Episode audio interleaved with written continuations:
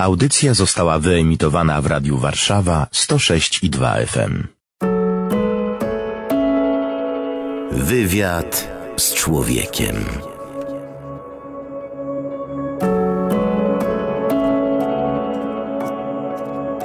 Paweł Kęska, witam Państwa ciepło i serdecznie w audycji Wywiad z człowiekiem. W zeszłym tygodniu minęło 100 dni, odkąd trwa wojna na Ukrainie. Życie trwa i płynie wartkim nurtem. Miałem wielkie szczęście przez ostatnie trzy tygodnie bywać w Przemyślu i rozmawiać z wieloma osobami, które pracują na naszym polskim froncie. Tak chyba to należy nazwać, bo cała Polska zna nazwę Tesco w Przemyślu, czy też dworzec kolejowy Przemyski albo granice w Medyce. A kto, proszę Państwa, zna Wydział Duszpasterstwa Rodzin Archidiecezji Przemyskiej, albo Zakon Sióstr Michalitek w Przemyślu, czy Dom Ukraiński w Przemyślu? No właśnie, tam bije i to mocno wciąż bije serce tej współczesnej historii, która wydarza się na naszych oczach, ale także w naszych rękach. No i do przemyśla dziś i za tydzień Państwa zapraszam. Przyznam, że nagrywając reportaż o tym, jaką pomoc świadczy Wydział Duszpasterstwa Rodzin Archidiecezji Przemyskiej, a jest o czym opowiadać i to jedna audycja to mało, przy tej okazji miałem szczęście nagrać wiele, wiele wywiadów ważnych w całości, i tak dziś, jako zapowiedź reportażu, zapraszam Państwa do tych rozmów nagranych gdzieś między granicą, stacją kolejową, Tesco, seminarium przemyskim i licznymi ośrodkami pomocy zatopionymi gdzieś w bajecznych przestrzeniach Bieszczadów. Na początek zapraszam do wizyty w domu sióstr Michalitek w Przemyślu. E, siostra Monika Sudy, Michalitka, Zgromadzenie się Świętego Michała Archanioła. W Przemyślu, w domu zakonnym, gdzie też jest prowadzona e, świetlica profilaktyczno-wychowawcza dla dzieci i młodzieży. Ile sióstr w tym domu przebywa? E, pięć sióstr. Jak się zmieniło życie tego domu i tych sióstr i siostry po 24 lutego? Po 24 lutego, na drugi dzień wojny, dostałam telefon z Gdańska, że przyjedzie y, szef takiej firmy z pracownikiem, który jest Ukraińcem, z pytaniem, czy może przenocować i poczekać na żonę, która była w ciąży. I od tego y, też mi właśnie taki myśl powstała, że, no, że po prostu na ten czas, kiedy będą uchodźcy, zamknę świetlicę, a otworzę dom dla, dla uchodźców. I od tamtego momentu praktycznie przez cały marzec y, codziennie było tak ponad 50-60 osób, które albo jedną noc, dwie, trzy, też zdarzało się do tygodnia u nas znajdowały miejsce, gdzie mogli właśnie przespać się spokojnie i zjeść, czy wykąpać, czy pomyśleć, no, co robimy dalej. Nie? Jak ci ludzie tutaj trafiali? Głównie no, tak było, że y, jeździłyśmy na dworzec, no i szukaliśmy tych ludzi, nie? Przyjeżdżały pociągi, było ich bardzo mnóstwo ty, na początku tych uchodźców, no i pytałyśmy, nie, czy co robią, czy chcą do nas iść. I szukaliśmy, ale też właśnie ksiądz Marek Machała też w pierwszym tygodniu przy, zadzwonił do mnie, czy przyjmuje uchodźców, no i też on, czy inni księża, czy inne osoby busami do nas telefon, druga, trzecia w nocy, słuchaj, mam pełny bus ludzi, mogę przywieźć. I, i tak, tak, tak się zaczęło, że głównie no to jeździliśmy właśnie na dworzec, ale też znajomi z Ukrainy, czy poprzez kościół, klasztory, czy sióstr, no to dzwonili Monika, czy przyjmiesz osoby, by za dwa dni będą i, i tak, tak, tak to się działo.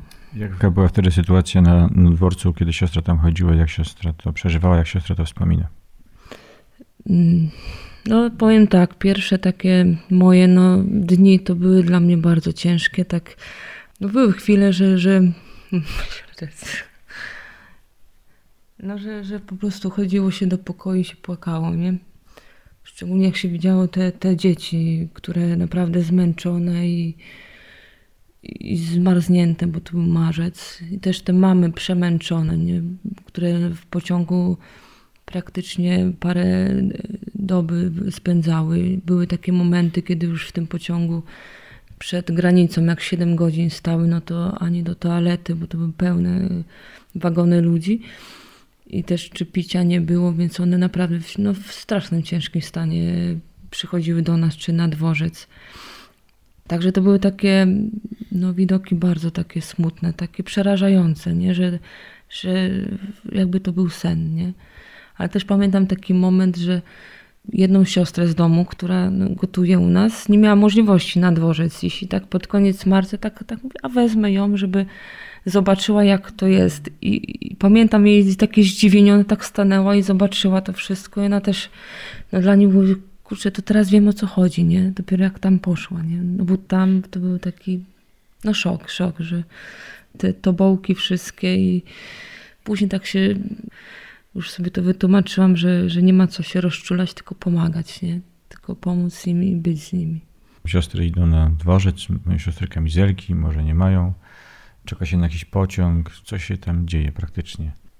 No to to było tak naprawdę tak stopniowo, nie? że najpierw no to taki strach, nie? bo tak no ukraińskiego tak y, praktycznie nie umiałam, nie? Tak jak to ten polski jest podobny nasz, nie? Do ukraińskiego. Później troszeczkę zaczęłam rozumieć, ale też tutaj w domu mieliśmy też y, jednego tłumacza. Później się rozszerzało, że znalazłam inną y, wolontariuszkę, która też ukraiński, rosyjski umie, więc się łapało ich i jeździło się z nimi na dworzec. Nie? Później się tak y, też zorientowało, której te pociągi przyjeżdżają, albo po prostu telefonicznie z wolontariuszami. Też była też taka rejestracja, gdzie ja rano przychodziłam i zostawiałam swój numer, jak było już to właśnie bardzo dużo ludzi, nie? Czy, czy konkretne osoby, bo głównie, głównie matki z dziećmi były. To dzwonili do mnie też, nie? Czy do innych sióstr, czy, czy do tej osoby, która miała w nocy dyżur, bo też były tutaj nocne dyżury. Y, głównie właśnie nasi wychowankowie dorośli, czy też osoby z oazy jako wolontariat były, czy nawet osoby dorosłe, takie znajome albo żeśmy po prostu jechali i rozmawiali z tymi ludźmi. Pamięta siostra takie rozmowy i spotkania? No są takie, no bardzo takie, które no, w sercu zostały. Taki, jedna mama z trójką dzieci została tak w moim sercu bardzo, że to była bardzo młoda mama, tak gdzieś może 22 lata i już trójka dzieci. Najmłodsze było na rękach, tam może z, z rok miało a najstarszy chyba miała, miał chłopczyk 5 lat. Ich o 6 rano odprowadzałam do pociągu. I to było najgorsze, że ta mama jechała do Niemiec w ciemno z tymi dziećmi. Ja, ja sobie nie mogłam z tym poradzić, gdzie oni w ogóle jadą. To są takie maleństwa. I to były takie dzieci zaniedbane bardzo, nie? Takie dzieci ulicy. Ta mama też taka, taka, taka bidulka. I pamiętam taki moment, że bardzo tłoczno na tym, na tym dworcu, na tym peronie. I ten chłopczyk tak, taki zdenerwowany chodził, miał z 5 lat. I usiadł na torbie, ja tak kucnęłam i jemu taka łza poszła, nie? I dla mnie to było po prostu no, moment taki, że ja sobie nie mogłam poradzić, nie? Że, że no, ta łza tego chłopczyka, nie? Że takie właśnie dziecko wojny takie, nie? Że, no, że widać było strach. Nieraz tak myślę, co się z nimi stało. Kiedy przyjeżdżali pod ten dach, to co tutaj się z nimi działo? Ile, ile byli dni mniej więcej i jakie były ich dalsze drogi? Jak była rozmowa, nie? No to głównie było, że y, czy macie gdzie jechać, macie cel i też miałam takie y, odgórne y, założenie, że dwie, trzy noce góra, nie? Oczywiście zdarzało się więcej, jakby osoby, które naprawdę już nie wiedziały, co z sobą zrobić, albo też bardzo przemęczone. I pierwsze co, to powiem tak. Y, głównie panie to, to pytały się, czy, czy jest możliwość y, wykąpania się, nie? Co mnie też tak bardzo tak uderzało, że jak pokazywałam to, że tu można się wykąpać, to yy, chyba dwa razy kobieta się normalnie przytuliła i rozpłakała i podziękowała, nie? Że, że może się wykąpać, że, że też mogą się przespać w ciepłym miejscu, nie? Że mogą zjeść spokojnie, czy posiedzieć i i też takie były momenty, na przykład druga, trzecia w nocy. Tutaj jest taka na dole taka sala, gdzie mieściło się 38 osób. no to druga, trzecia w nocy ja miałam, czy, czy osoby, które miały nockę, tam, że pięć materacji jest wolnych, więc drugiej w nocy cichaczem, żeby nie pobudzić e, resztę, tu macie miejsce. Oni już w ogóle już nic nie chcieli, tylko się położyć przemęczeni.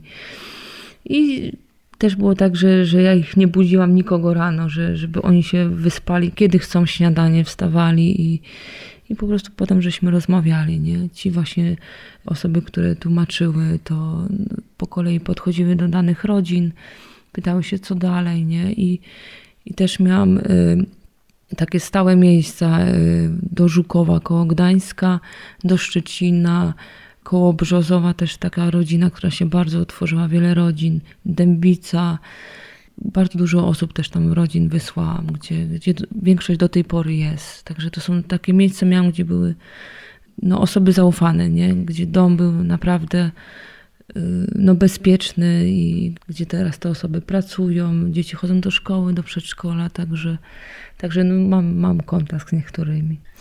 Bardzo wdzięczne SMS-y. Dziękujemy Wam za pomoc. Y, Polska dla Ukrainy bardzo dużo dobrego robi. Y, albo dojechaliśmy szczęśliwie, albo taka mama z czwórką też y, dzieci. Do tej pory siostro dziękuję, pracuję w hotelu w Gdańsku, y, chłopaki do szkoły chodzą. No jest ten kontakt, nie? I też, też takie to jest fajne, że no są wdzięczni, nie? Polakom, nie? Że, że no to, jest, to jest niesamowite, jak się usłyszało, że, że dużo dobra robicie, nie?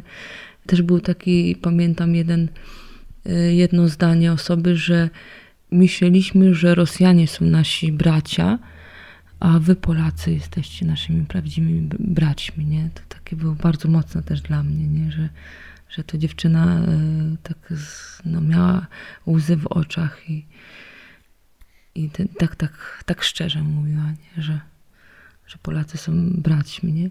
No takie miłe to było dla nas wszystkich. Właśnie jesteśmy w tej świetlicy i widzę taki napis na ścianie. Mamy siebie, mamy tak wiele. Ile osób przeszło przez ten dom uchodźców? No tak y, plus, minus, myślę, że około 1200 osób. Jak sobie siostra radziła i radzi ze zmęczeniem? Znaczy powiem tak, że no początki były tak trudno i fizycznie i psychicznie też i też powiem duchowo i, i przyjechały nasze y, władze, czyli, czyli Matka Generalna z zarządem i tak usiadłyśmy sobie całą wspólnotą i siostrami i zaczęliśmy rozmawiać o tym wszystkim, nie? Że, że tak naprawdę jest bardzo trudna sytuacja tutaj, bo nie ma życia wspólnoty tak naprawdę, bo cały czas ludzie. I uzgodniłyśmy taki program konkretny dnia, który nam bardzo, bardzo pomógł. Chyba to było w drugim tygodniu. I też, żeby był czas na modlitwę konkretny. I powiem, że to mi bardzo pomogło, nie? Jest teraz czas adoracji, nie szpory i siadamy i po prostu jesteśmy w kaplicy. Świat się nie zawali, nie? Ja tak się bałam, a tu co, nie? Powiem, że to mi bardzo dało takiego pokoju serca i takiego odpoczynku, nie? W tym, no to było w środku dnia praktycznie o 16 i dużo się działo, ale to był taki czas modlitwy i odpoczynku. No taki fizyczny też, bo to do pewnego momentu właśnie w nocy też jeździłam, wstawałam na każdy telefon, ale w pewnym momencie oni nie. Ci, co mają dyżur nocny, dostają numer dany tych osób, które mogą przyjechać, więc one już y, y, w nocy czuwali. Chyba, że się działo coś takiego konkretnego, no to wtedy budzili. No doszło do takiego momentu, kiedy trzeba było zadbać o ten sen i odpoczynek i też no, cała wspólnota siostra się naprawdę włączyła y, i, i w kuchnię i sprzątanie, bo to wiadomo było, kto wyjeżdżał, no trzeba było salę y, posprzątać, nie? Czy zrobić szybki obiad, czy kolację, bo to było tak wszystko ruchome i no to były osoby, 50-60 osób cały czas, nie? Także nieraz obiad był o 20, nie? Jeszcze zostało, więc, więc przyjeżdżała nowa ekipa, no to dużo pomogła bardzo modlitwa, nie? I, i też, też takie zorganizowanie i też yy, jak, jak widziałam dobro tych ludzi, szczególnie młodych, wychowanków czy wolontariuszy, to też dawało siłę, nie? że ci ludzie młodzi się angażują, nie? I że siostry się angażują, że, że ktoś dzwoni i mówi siostro, może przyjdę na nockę, no nie? y, może wam pomóc coś. No takie, takie to było takie wzmacniające i no ten początek był bardzo trudny, nie? I też, też potem takie sytuacje, kiedy naprawdę widziałam, że ktoś w bardzo ciężkim stanie psychicznym. I powiem też taką rzecz, że y, no dziękowałam Bogu, że też tego ukraińskiego do końca nie rozumiem. Bo jakbym rozumiała, dużo bym musiała wysłuchać i to by było na pewno ciężkie, nie? A pomagałam po prostu w sposób inny, nie? Dając im dom, bezpieczeństwo i czy, czy nawet ten uśmiech, nie? I bycie, nie? Ta sytuacja jest zupełnie niezwyczajna. Staje bezradny człowiek na naszej drodze. Kto to jest, ten człowiek? Od razu przychodzi do głowy przypowieść o Samarytaninie, ale jak się strata przeżywała właśnie w, w duchu wiary? Tak po ludzku to nie da się zrozumieć cierpienia drugiego człowieka, e, cierpienia dziecka. I powiem, że, że na pewno dla mnie to osobiście to no, takie doświadczenie naprawdę takiego mm, no też strachu i też yy, biedy drugiego człowieka, nie? I, I wdzięczność, że my jesteśmy bezpieczni, nie? I też taka y, zachęta do, no, do modlitwy, nie? Żeby więcej się modlić, żeby, bo oni nawet jak y, ci ludzie daleko są od Boga, ci na Ukrainie, nie? Że też jestem wdzięczna, że żyjemy w takim państwie, gdzie, gdzie, gdzie Pan Bóg jest naprawdę blisko i ale oni szukali tego Pana Boga, nie? Że, że widzieli, że to siostry też są, że to klasztor, yy, więc dla nich też to takie, że, że widzieli te dobro, nie? Że, że my się dzielimy, że my się nie boimy. Więc takie też doświadczenie moje, takie niesamowicie dla, dla takiej mojej wiary, takiej wzrostu, nie? Właśnie, że ja jestem w tym miejscu tu w Przemyślu, nie? Że, że mnie to spotkało też, też dla mojej wspólnoty, bo jestem przełożoną tego domu też i też widziałam, jak siostry też, też bardzo to przeżywały, też modliły się, nie? Że to takie było też dla nas takie wzmocnienie nas, nie? Że, że, że tak naprawdę w tym wszystkim jest jakiś plan Pana Boga, nie? To jest, mówię, po ludzku niezrozumiane, ale też nasz kraj, nasza Polska, nie? Też takie zjednoczenie było i taki jeden duch, nie? Że pomagamy i to też no, ogromne doświadczenie takiej wiary, nie? Że, że i takiej wdzięczności, że, że Polska jest naprawdę narodem chrześcijańskim. No takie ogromne doświadczenie wiary, nie? Długo można by mówić, co tutaj jest złego i dramatycznego, ale jak się patrzy na całą sytuację, no to można takie pytanie postawić, co z tego może być dobrego? Trudne pytanie.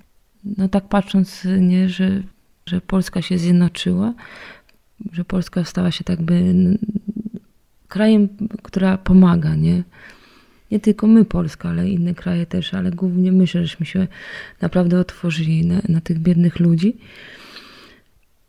Tam, gdzie w sercu nie było Boga, w tej sytuacji no, idzie się szybciutko do Boga, do, do tego, żeby pomóc, nie? Żeby. Myślę, że, że to jest to, że, że się odkrywa Pana Boga na nowo, nie? Albo odkrywa się Pana Boga, którego jeszcze nigdy nie było w, w tych osobach, nie? W tym cierpieniu, że, że jak właśnie traci się no wszystko, to tylko Pan Bóg zostaje, nie?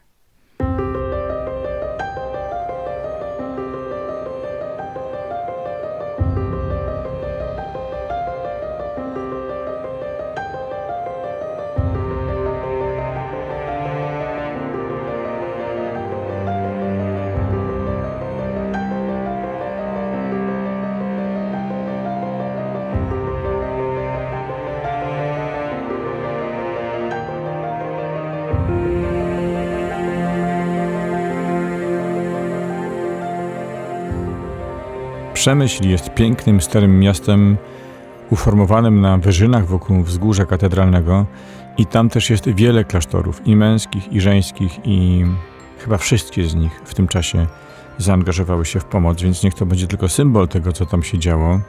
Ta ogromna kooperacja organizacji mm, kościelnych i niekościelnych, świeckich, pomocy, transportów, to Jest zupełnie osobna, e, duża opowieść, o tym jeszcze za tydzień będziemy mówić. Wyjątkową rolę w tym całym kalejdoskopie pełni Wydział Duszpasterstwa Rodzin Archidiecezji Przemyskiej, którego dyrektorem jest ksiądz Marek Machała. No to jesteśmy teraz na y, seminaryjnym dawnym gospodarstwie. Y, Tutaj przed nami jest taki domek, w którym mieszkali kiedyś pracownicy świeccy seminarium. Zrobiliśmy bardzo szybki remont na polecenie naszego księdza arcybiskupa Adama Szala.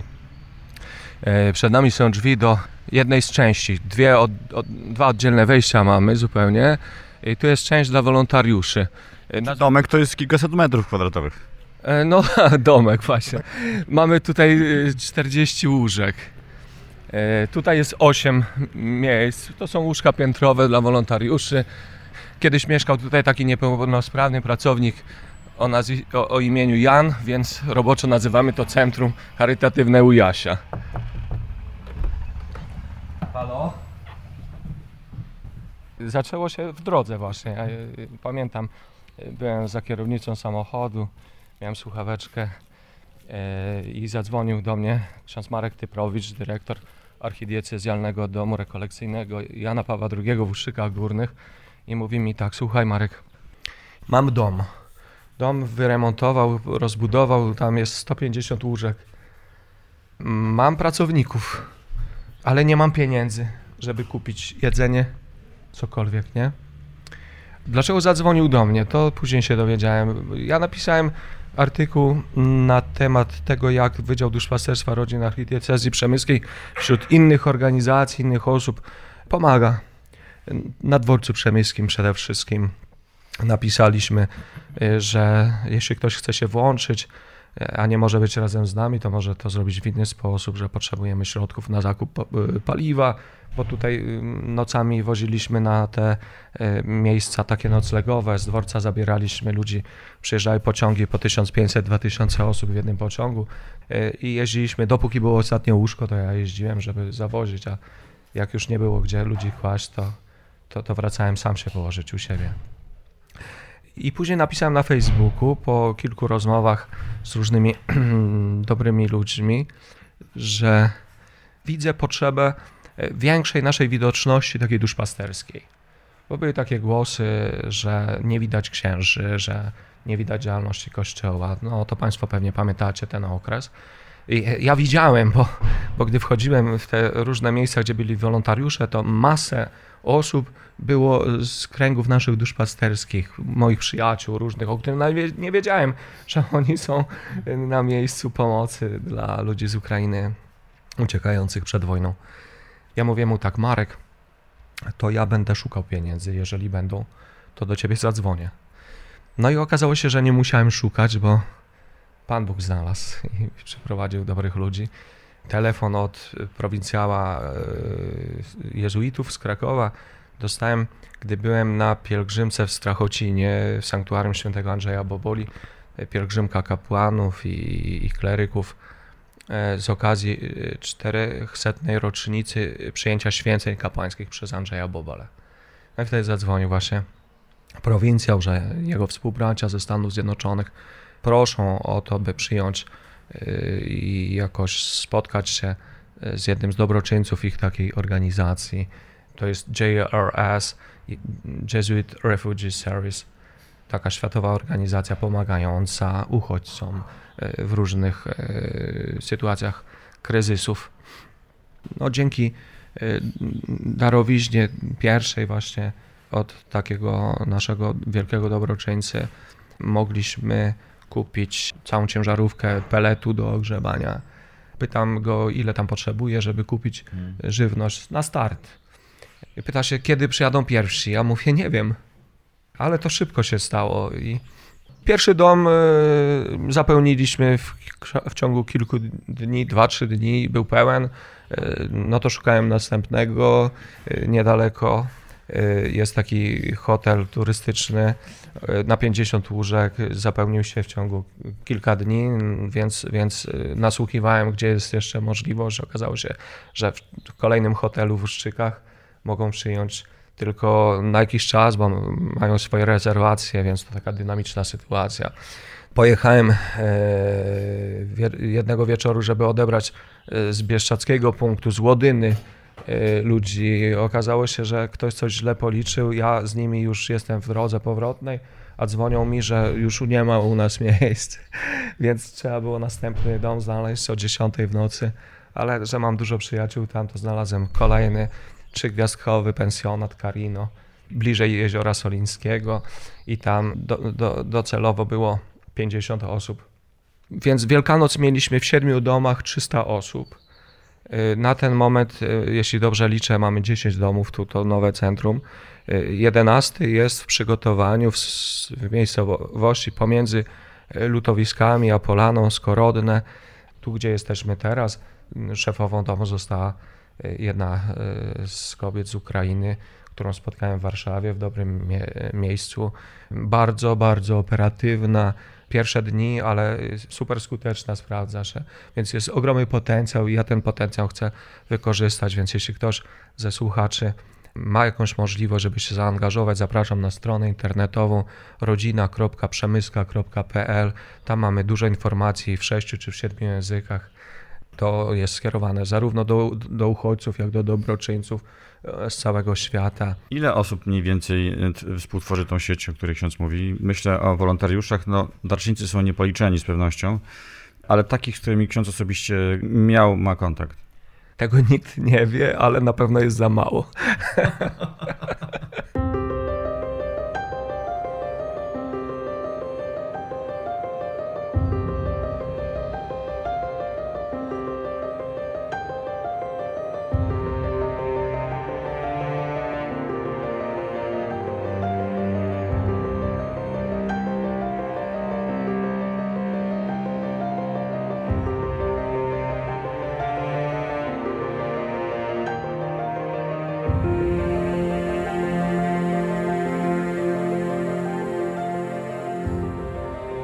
Liczni wolontariusze współpracujący z Wydziałem Duszpasterstwa Rodzin Archidiecezji Przemyskiej e, sprawiają, że mm, osoby potrzebujące z Ukrainy, oczywiście najczęściej matki z dziećmi, przybywają do tych domów, o których mówił ksiądz e, Marek. W tych domach e, są tyle czasu, ile potrzeba, a potem proponowany jest im często wyjazd w bezpieczne miejsca, daleko od granicy, tam gdzie po prostu jest więcej miejsca i gdzie jest święty spokój. Czasem jest to Francja, czasem jest to Hiszpania, czasem miasta w Polsce, natomiast to wszystko działa dlatego, że są tam liczni wolontariusze nie tylko z Polski, ale i z całego świata. I proszę, wysłuchajcie Państwo rozmowy z jedną z wolontariuszek ze Stanów Zjednoczonych. A moje nazwisko jest Sandra Kandrat. Moje pierwsze nazwisko Bugaj. A moja matka i ojciec byli w Polsce. Um, mój ojciec był w polskiej armii. Przyszedł uh, wojna. Mój ojciec uh, był w Polsce i Niemiec przyszli i weźmili mój, moje tatę i dały jego do Norway. On był prisoner of war na 7 lat. Mhm. Poszli, moja mama była w refugee camp i tata i oni spotkały się. Ja mam brat i siostra. E, brat jest Zbigniew, siostra jest Lidia, ona już umarła, moja siostra. Oni przyszli do Ameryki. Ja jestem pierwsza, co była, urodziła się w Ameryce. Um, ja przyszła tu, ja mam ksiądz w kościelu, ojciec Andrzej Kowalczyk i on, jak to wszystko stało się w ukraińsku, on mówił, my musimy coś zrobić. Chciał, że my przyszli, uh, volunteers, my by przyszli tu i pomagać. Ja nigdy nie była w Polsce. Moje serce, ja musiała to zrobić. Ja, jak ja byłam mała, zawsze uh, nasze sąsiedzi byli ukraińscy ludzie, polskie ludzie. Ja zawsze pamiętam o tego, ja pamiętała o tego, jak, jak nasz ksiądz spytał, kto by chciał przyjść i pomagać. I ja przyszłam tu i ja, i ja bardzo moje bardzo moje serce było affected. How do you say that? Um, ja jestem tu drugi raz i ja jestem bardzo żona, że ja jestem Polska. Wszystkie te ludzie, te Polaki są takie dobre ludzie. I ja jestem um, książę tu i siostry wszystko robią, co możemy robić na ukraińskie ludzie. Uh, ja jestem proud to be Polish. Dziękuję. Marczy. Ja tu była pierwszy raz. Um, jak ja była mała, mama zawsze chciała mnie przynieść z powrotem i nigdy nie przyniosła, because ja była już, ja, ja nie chcę iść, ja nie chcę iść, a teraz ja chcę cała familia przynieść z powrotem tu. Co pani robi tutaj? Czym się pani zajmuje? O, Jaka o, o. pomoc? Ja, ja uh, 40 years, 40 lat robiła e, nurska w domu i teraz ja, ja pomagam, ja robię z doktorami tu, you know, jako, ale ja, jako pielęgniarka. yeah, to, yeah, yeah, exactly, yeah, yeah, yeah, yeah, Tata i mama yeah. wyjeżdżali jak była wojna. Jak wojna, Tak. jak skończyła wojna, A tak, teraz jest na Ukrainie też wojna. tak, I Są wojna. kobiety, małe dzieci. Tak. Jak pani to przeżywa? Bo to strasznie trudno. Tak, ja, ja, przywy, ja przywierzam, co moje rodzice, ja, ale ja rozumiem teraz, you know, jak co moje rodzice, co wszystko to stało się do nim. Tych Amerykanów, którzy akurat w Wydziale Duszpasterstwa Rodzin Archidiecezji Przemyskiej działają, było tam kilkunastu. Byli także liczni Francuzi, Kanadyjczycy. Między innymi był też lekarz, który przyjechał ze Stanów Zjednoczonych, jest Hiszpanem i oczywiście wielu Polaków, a także Ukraińcy, między innymi siostry zakonne. Zapraszam do jednego z domów organizacji, który mieści się w Ustrzykach Górnych. E, Jestem siostra Weronika, e, jestem z Ukrainy. E, Jestem ze Zgromadzenia Sióstr Najświętszej Rodziny z Nazaretu, Nazaretanka. A siostra jest Ukrainką czy Polką? E, Ja jestem Ukrainką, pochodzę z Żytomierza, a w, w danej chwili pracuję, służę w Kijowie, w parafii. Jak siostra się znalazła w tym miejscu? E, Poproszono nas o pomoc. Ksiądz Marek tutaj potrzebował ludzi. Też oprócz wolontariuszy potrzebują ci ludzie dużo pomocy takiej duchownej. E, Dlatego jako siostra odpowiedziałam na to, na to mm, zaproszenie tutaj, być z tymi ludźmi.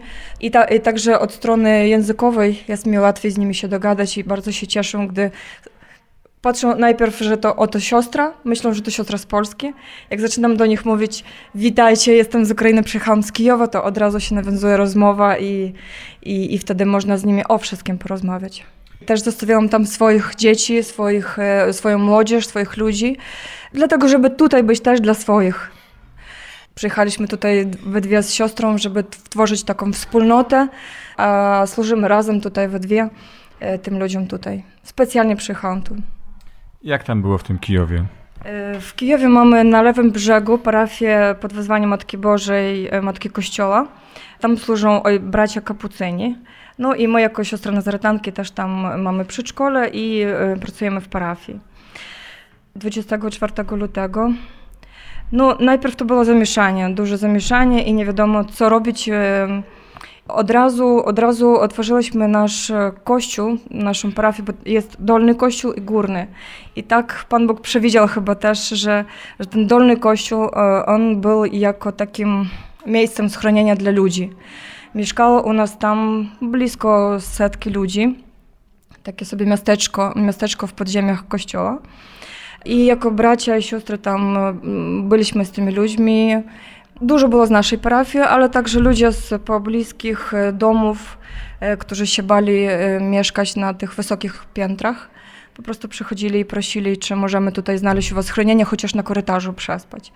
Widzieliśmy zagubienie ludzi, strach. I tak przez cały czas em, tych ostrych, ostrego takiego mm, okresu, kiedy słyszeliśmy e, nad nami latające rakiety i, i, i ten huk cały czas, e, były z nami tam wielodzietne rodziny bardzo dużo i po prostu byliśmy z tymi dziećmi. E, Przez cały czas była w kościele e, wystawienie Najświętszego Sakramentu, modlitwa. Można było przyjść w ciszy się pomodlić, były wspólne spotkania e, ze Słowem Bożym. Po prostu doświadczałyśmy tam obecności Pana Boga i tak kiedyś nawet jak ktoś nas pytał, no jak tam u was w Kijowie, bo wszędzie to było bardzo, bardzo strasznie, a my mówiliśmy, że tak jakoś tak praktycznie nas, u nas tu nie ma wojny, jakby taki e, ośrodek, ośrodek pokoju właśnie. Jest to też sanktuarium Ojca Pio, Także ten ojciec Pio był z nami, był z nami obecny. I dużo ludzi, którzy w ogóle nigdy nie chodzili do kościoła, nawet do cerkwi, przychodzili i się pytali, czy można się pomodlić, czy tutaj może, można jakoś tutaj z wami porozmawiać. Bracia cało, całodobowo byli, byli dostępni dla ludzi, żeby po prostu udzielić jakiejkolwiek pomocy jedzenie, ubrania. E, dużo ludzi potem przynosiło różne, różne rzeczy, tak. Później jak trochę ludzi wyjechało już do, do innych krajów, do Polski, tam gdzieś do, do swoich e, znajomych, bliskich już po Ukrainie, trochę mniej tych ludzi było, mieszkało, to z kolei do Kijowa przyjeżdżało bardzo dużo ludzi z tamtych e, miejscowości ze wschodu, więc Pojawiły się u, u, nas uchodźcy w Kijowie, którym też służyliśmy pomocą właśnie w, tam humanitarnej i, i, i tak samo znowu duchownej. Nie? Wiele z tych osób przyjechało do Polski, niektórzy jadą dalej i też konkretne osoby, które przyjechały z Ukrainy są w tym domu. Na czym polega siostry posługa tutaj? Moja posługa tutaj, no po prostu służyć tym ludziom, dodawać im nadziei, to jest, to jest moje zadanie jako, jako siostry. Trudno mi kogoś namawiać, żeby, żeby gdzieś, gdzieś wyjeżdżał. To ich decyzja. Ja im mogę tylko towarzyszyć, może coś podpowiedzieć. Większość z nich e, chce, chce wracać. Dużo ludzi nie chce jechać bardzo daleko, bo tutaj blisko granicy i tutaj w każdym czasie można wrócić, tak? Jak tylko to od razu, od razu wracają, więc no, to jest bardzo trudne decyzje i, i dramaty całych rodzin, bo w większości ojcowie, mężowie, rodzice starsi zostają w Ukrainie. Nie całymi rodzinami wyjeżdżają, więc trudno im zostawić kogoś bliskiego i jechać aż tak daleko. Nie? Chociaż y, też są ludzie, którym nie ma do kogo i do czego wracać, no to tam ja rozumiem, że no, mogą jechać i, i szukać jakby samodzielności i stawać na nogi i budować swoje życie od nowa. Niektórzy już po kilka razy wyjeżdżali, tak, bo ktoś e, był e, w Doniecku na przykład, jak w 14 roku była okupacja, e, przyjechali do Kijowa albo do Irpinia, Buczy, Hostomlet, właśnie te miejscowości, które znowu zostały zniszczone. One już stamtąd wyjechały na przykład tutaj i już niektórzy po prostu no, bardzo trudno im znowu i znowu gdzieś jechać. Nie? Czym dla siostry jest Ukraina? Dla mnie Ukraina jest no, moim, moim domem, moją miłością i będę walczyć o każdego na swój sposób, o każdego człowieka, który jest, w, który jest moim bratem, moją siostrą. No to jest moja rodzina, nie? A Polska? A Polska moje przyjaciele, jestem w zgromadzeniu w zgromadzeniu e, międzynarodowym, dlatego siostry, siostry z Polski też służą w Ukrainie. E, dużo sióstr. Możemy służyć jako nazartanki też w Ukrainie.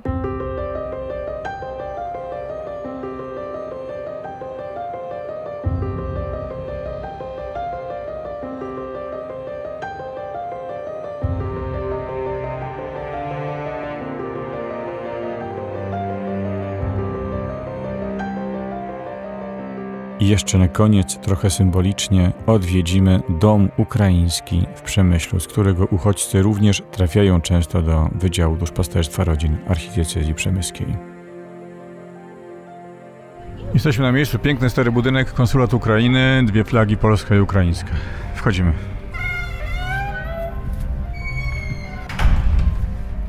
Y, nazywam się Maria Steć. Ja jestem tutaj wolontariuszem. Przychodzę 4 godziny na dzień na różne zmiany. Czym jest Dom Ukraiński i jaką teraz pełni funkcję? Dom Ukraiński w tej chwili, w tej chwili jest takim przytułkiem dla ludzi, którzy uciekali, uciekli sprzed wojny. Natomiast na co dzień jest taki ośrodek kultury i, i, i takiego życia społeczności ukraińskiej w Przemyślu. Odbywają się różnego rodzaju koncerty, spotkania. Y tak, święta ukraińskie na co dzień. Natomiast w tej chwili, tak jak pan widzi, jest to taki sztab kryzysowy, można nazwać tak, który po prostu pełni rolę takiego mm, schronienia dla tych uchodźców. Na czym polega życie tego miejsca? Całodobowo służymy pomocą tym ludziom. Zazwyczaj na, na dyżurze jest tak 3-4 osoby. Pomagamy ludziom się oczywiście tutaj nocleg, zabezpieczamy im nocleg, e, wyżywienie, e, pomoc też merytoryczną, bo jest tutaj też konsulat od niedawna e, w tym budynku. No i oczywiście zajmujemy się dalszymi ich losami, czyli nie zostawiamy ich tutaj, ale też koordynujemy. Tutaj na ścianach są właśnie wywieszone wszędzie możliwe kontakty, jakieś miejsca docelowe, gdzie tych ludzi można odesłać. E, ludzie mm, są odsyłani głównie z dworca. Mamy tutaj właśnie takich koordynatorów, którzy też są odpowiedzialni za dalsze losy tych ludzi, czyli po prostu mm, nawiązują kontakt z jakimiś innymi krajami europejskimi, mm, miejscami, gdzie ludzie oferują pomoc i tam ich transportujemy. Też zapytam jeszcze, może to bardziej osobiste pytanie, bo ludzie przychodzą tutaj z różnymi swoimi historiami, przeżywają różne dramaty. Też to dla Pani są na pewno osobiste relacje. Może Pani jakąś takich historii czy relacji opowiedzieć? Tak, każdy mój dyżur to jest taka historia, której nie zapomnę. Y, dłuższy czas byłam na dworcu. Na dworcu jest chaos, panuje totalny, ludzie są zagubieni. Tam są niejednokrotnie malutkie dzieci, matki, które są z dziećmi przy piersiach, zwierzęta. To wszystko oni mm, nie znają języka, są zagubieni i po prostu e, historie są różne. Nie zapamiętała się taka jedna historia, która tkwiła mi w pamięci na długo. Tutaj właśnie e, osiedliła się taka rodzina e, z dwójką dzieci, kobieta i dwójkę dzieci. I właśnie w nocy, gdy pełniłam dyżur, e, ja nie wiedziałam, że ta kobieta pod wpływem bomby, która spadła na, na ich dom czy w pobliżu domu, po prostu straciła rozum. I w końcu jak ona tutaj zaczęła właśnie takie wy... straszne rzeczy po prostu wypowiadać, widać było, że kobieta oszalała, tak? No i tej matki nie mogliśmy uspokoić do, do rana. I to była taka tak, taki obrazek, który mi się zapamiętał e, do końca życia. Nie wiem, e, co z nimi dalej, jakie, jakie ich losy dalsze są. Takie, takie różne sytuacje. Na przykład e, ja jestem nauczycielką w ogóle w szkole. Przyjęto bardzo dużo dzieci, przyszło podczas tego takiego boomu. Dzieci w, pierwszy, w pierwszym odruchu to te dzieci to były takie właśnie, które nie chciały na przykład rozstawać się ze swoim plecakiem. Albo ciągle pytały, gdzie tu jest jakiś schron, gdzie tu jest jakaś piwnica, jakiś głośniejszy szmer za oknem. Te dzieci się zrywały i od razu myślały, że jakiś samolot będzie bombardowanie. No tak, takie o takie sytuacje y, są. Ile osób przeszło przez dom ukraiński, wie pani tak mniej więcej? Y, myślę, że tysiące. Na początku e, bardzo dużo pomagały takie właśnie e, instytucje jak plebanie, jak e, jak szkoły podstawowe, jakieś e, sale gimnastyczne, Tesco. E, teraz to wszystko się wygasza z różnych względów, bo i mniej tych uchodźców już. Po drugie, du, duża część już jakby znalazła swoje miejsce gdzieś tam w świecie, duża część też wraca, natomiast ciągle te potrzeby są. I ludzie, rotu, rotu, rotacje są takie, prawda? Więc y, tych ludzi tutaj dziennie, no tak jak mówię, mamy tu 50 miejsc w tej chwili mhm. i praktycznie to tak oni nocują tutaj noc, dwa, idą dalej i przychodzą następnie. To proszę sobie policzyć, no trzech miesięcy, tych 50 osób dziennie, to tak. E, tak, tutaj znajdujemy się w sali teatralnej, takim najbardziej pysznym, takim pięknym y, pomieszczeniu w naszym y, ukraińskim domu. Ten dom ukraiński powstał jeszcze przed wojną z fundacji, znaczy z funduszy ludzi, samych y, ludzi, którzy którzy po prostu sfinansowali i zbudowali ten budynek. No i tu odbywają się takie właśnie główne wydarzenia yy, nasze ukraińskie w Przemyślu, czyli tutaj na scenie występujemy. Pomyślałem przez moment patrząc na scenę, bo w ogóle przepiękny budynek, piękne wnętrze, doskonałe stiłki. Tak patrzę na tą też scenę, na której są po prostu parawany i łóżka i kotary, że, że sztuka zamieniła się w, w rzeczywistość. Tak. Jest to bardzo smutne i takie budzi refleksję, no ale jest jak jest. Musimy się z tym pogodzić. Miejmy nadzieję, że niedługo to się wszystko skończy i będzie tak jak dawniej.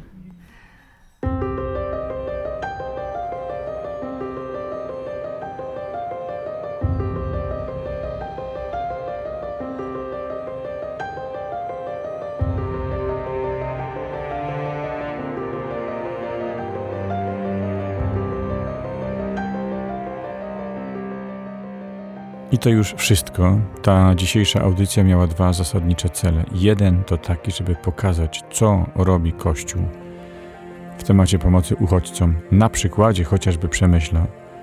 A drugi temat to zainteresowanie Państwa tym, co będzie za tydzień. A za tydzień będzie reportaż, który pozwoli nam wejść w ten żywy, kipiący świat. I pojedziemy na dworzec kolejowy i pójdziemy do przemyskiego Tesco i będziemy spotykać się przede wszystkim z uchodźcami, a wiele czasu spędzimy podróżując w busach z miejsca na miejsce. Wszędzie tam będzie można porozmawiać. Do usłyszenia za tydzień, mówi Paweł Kęska.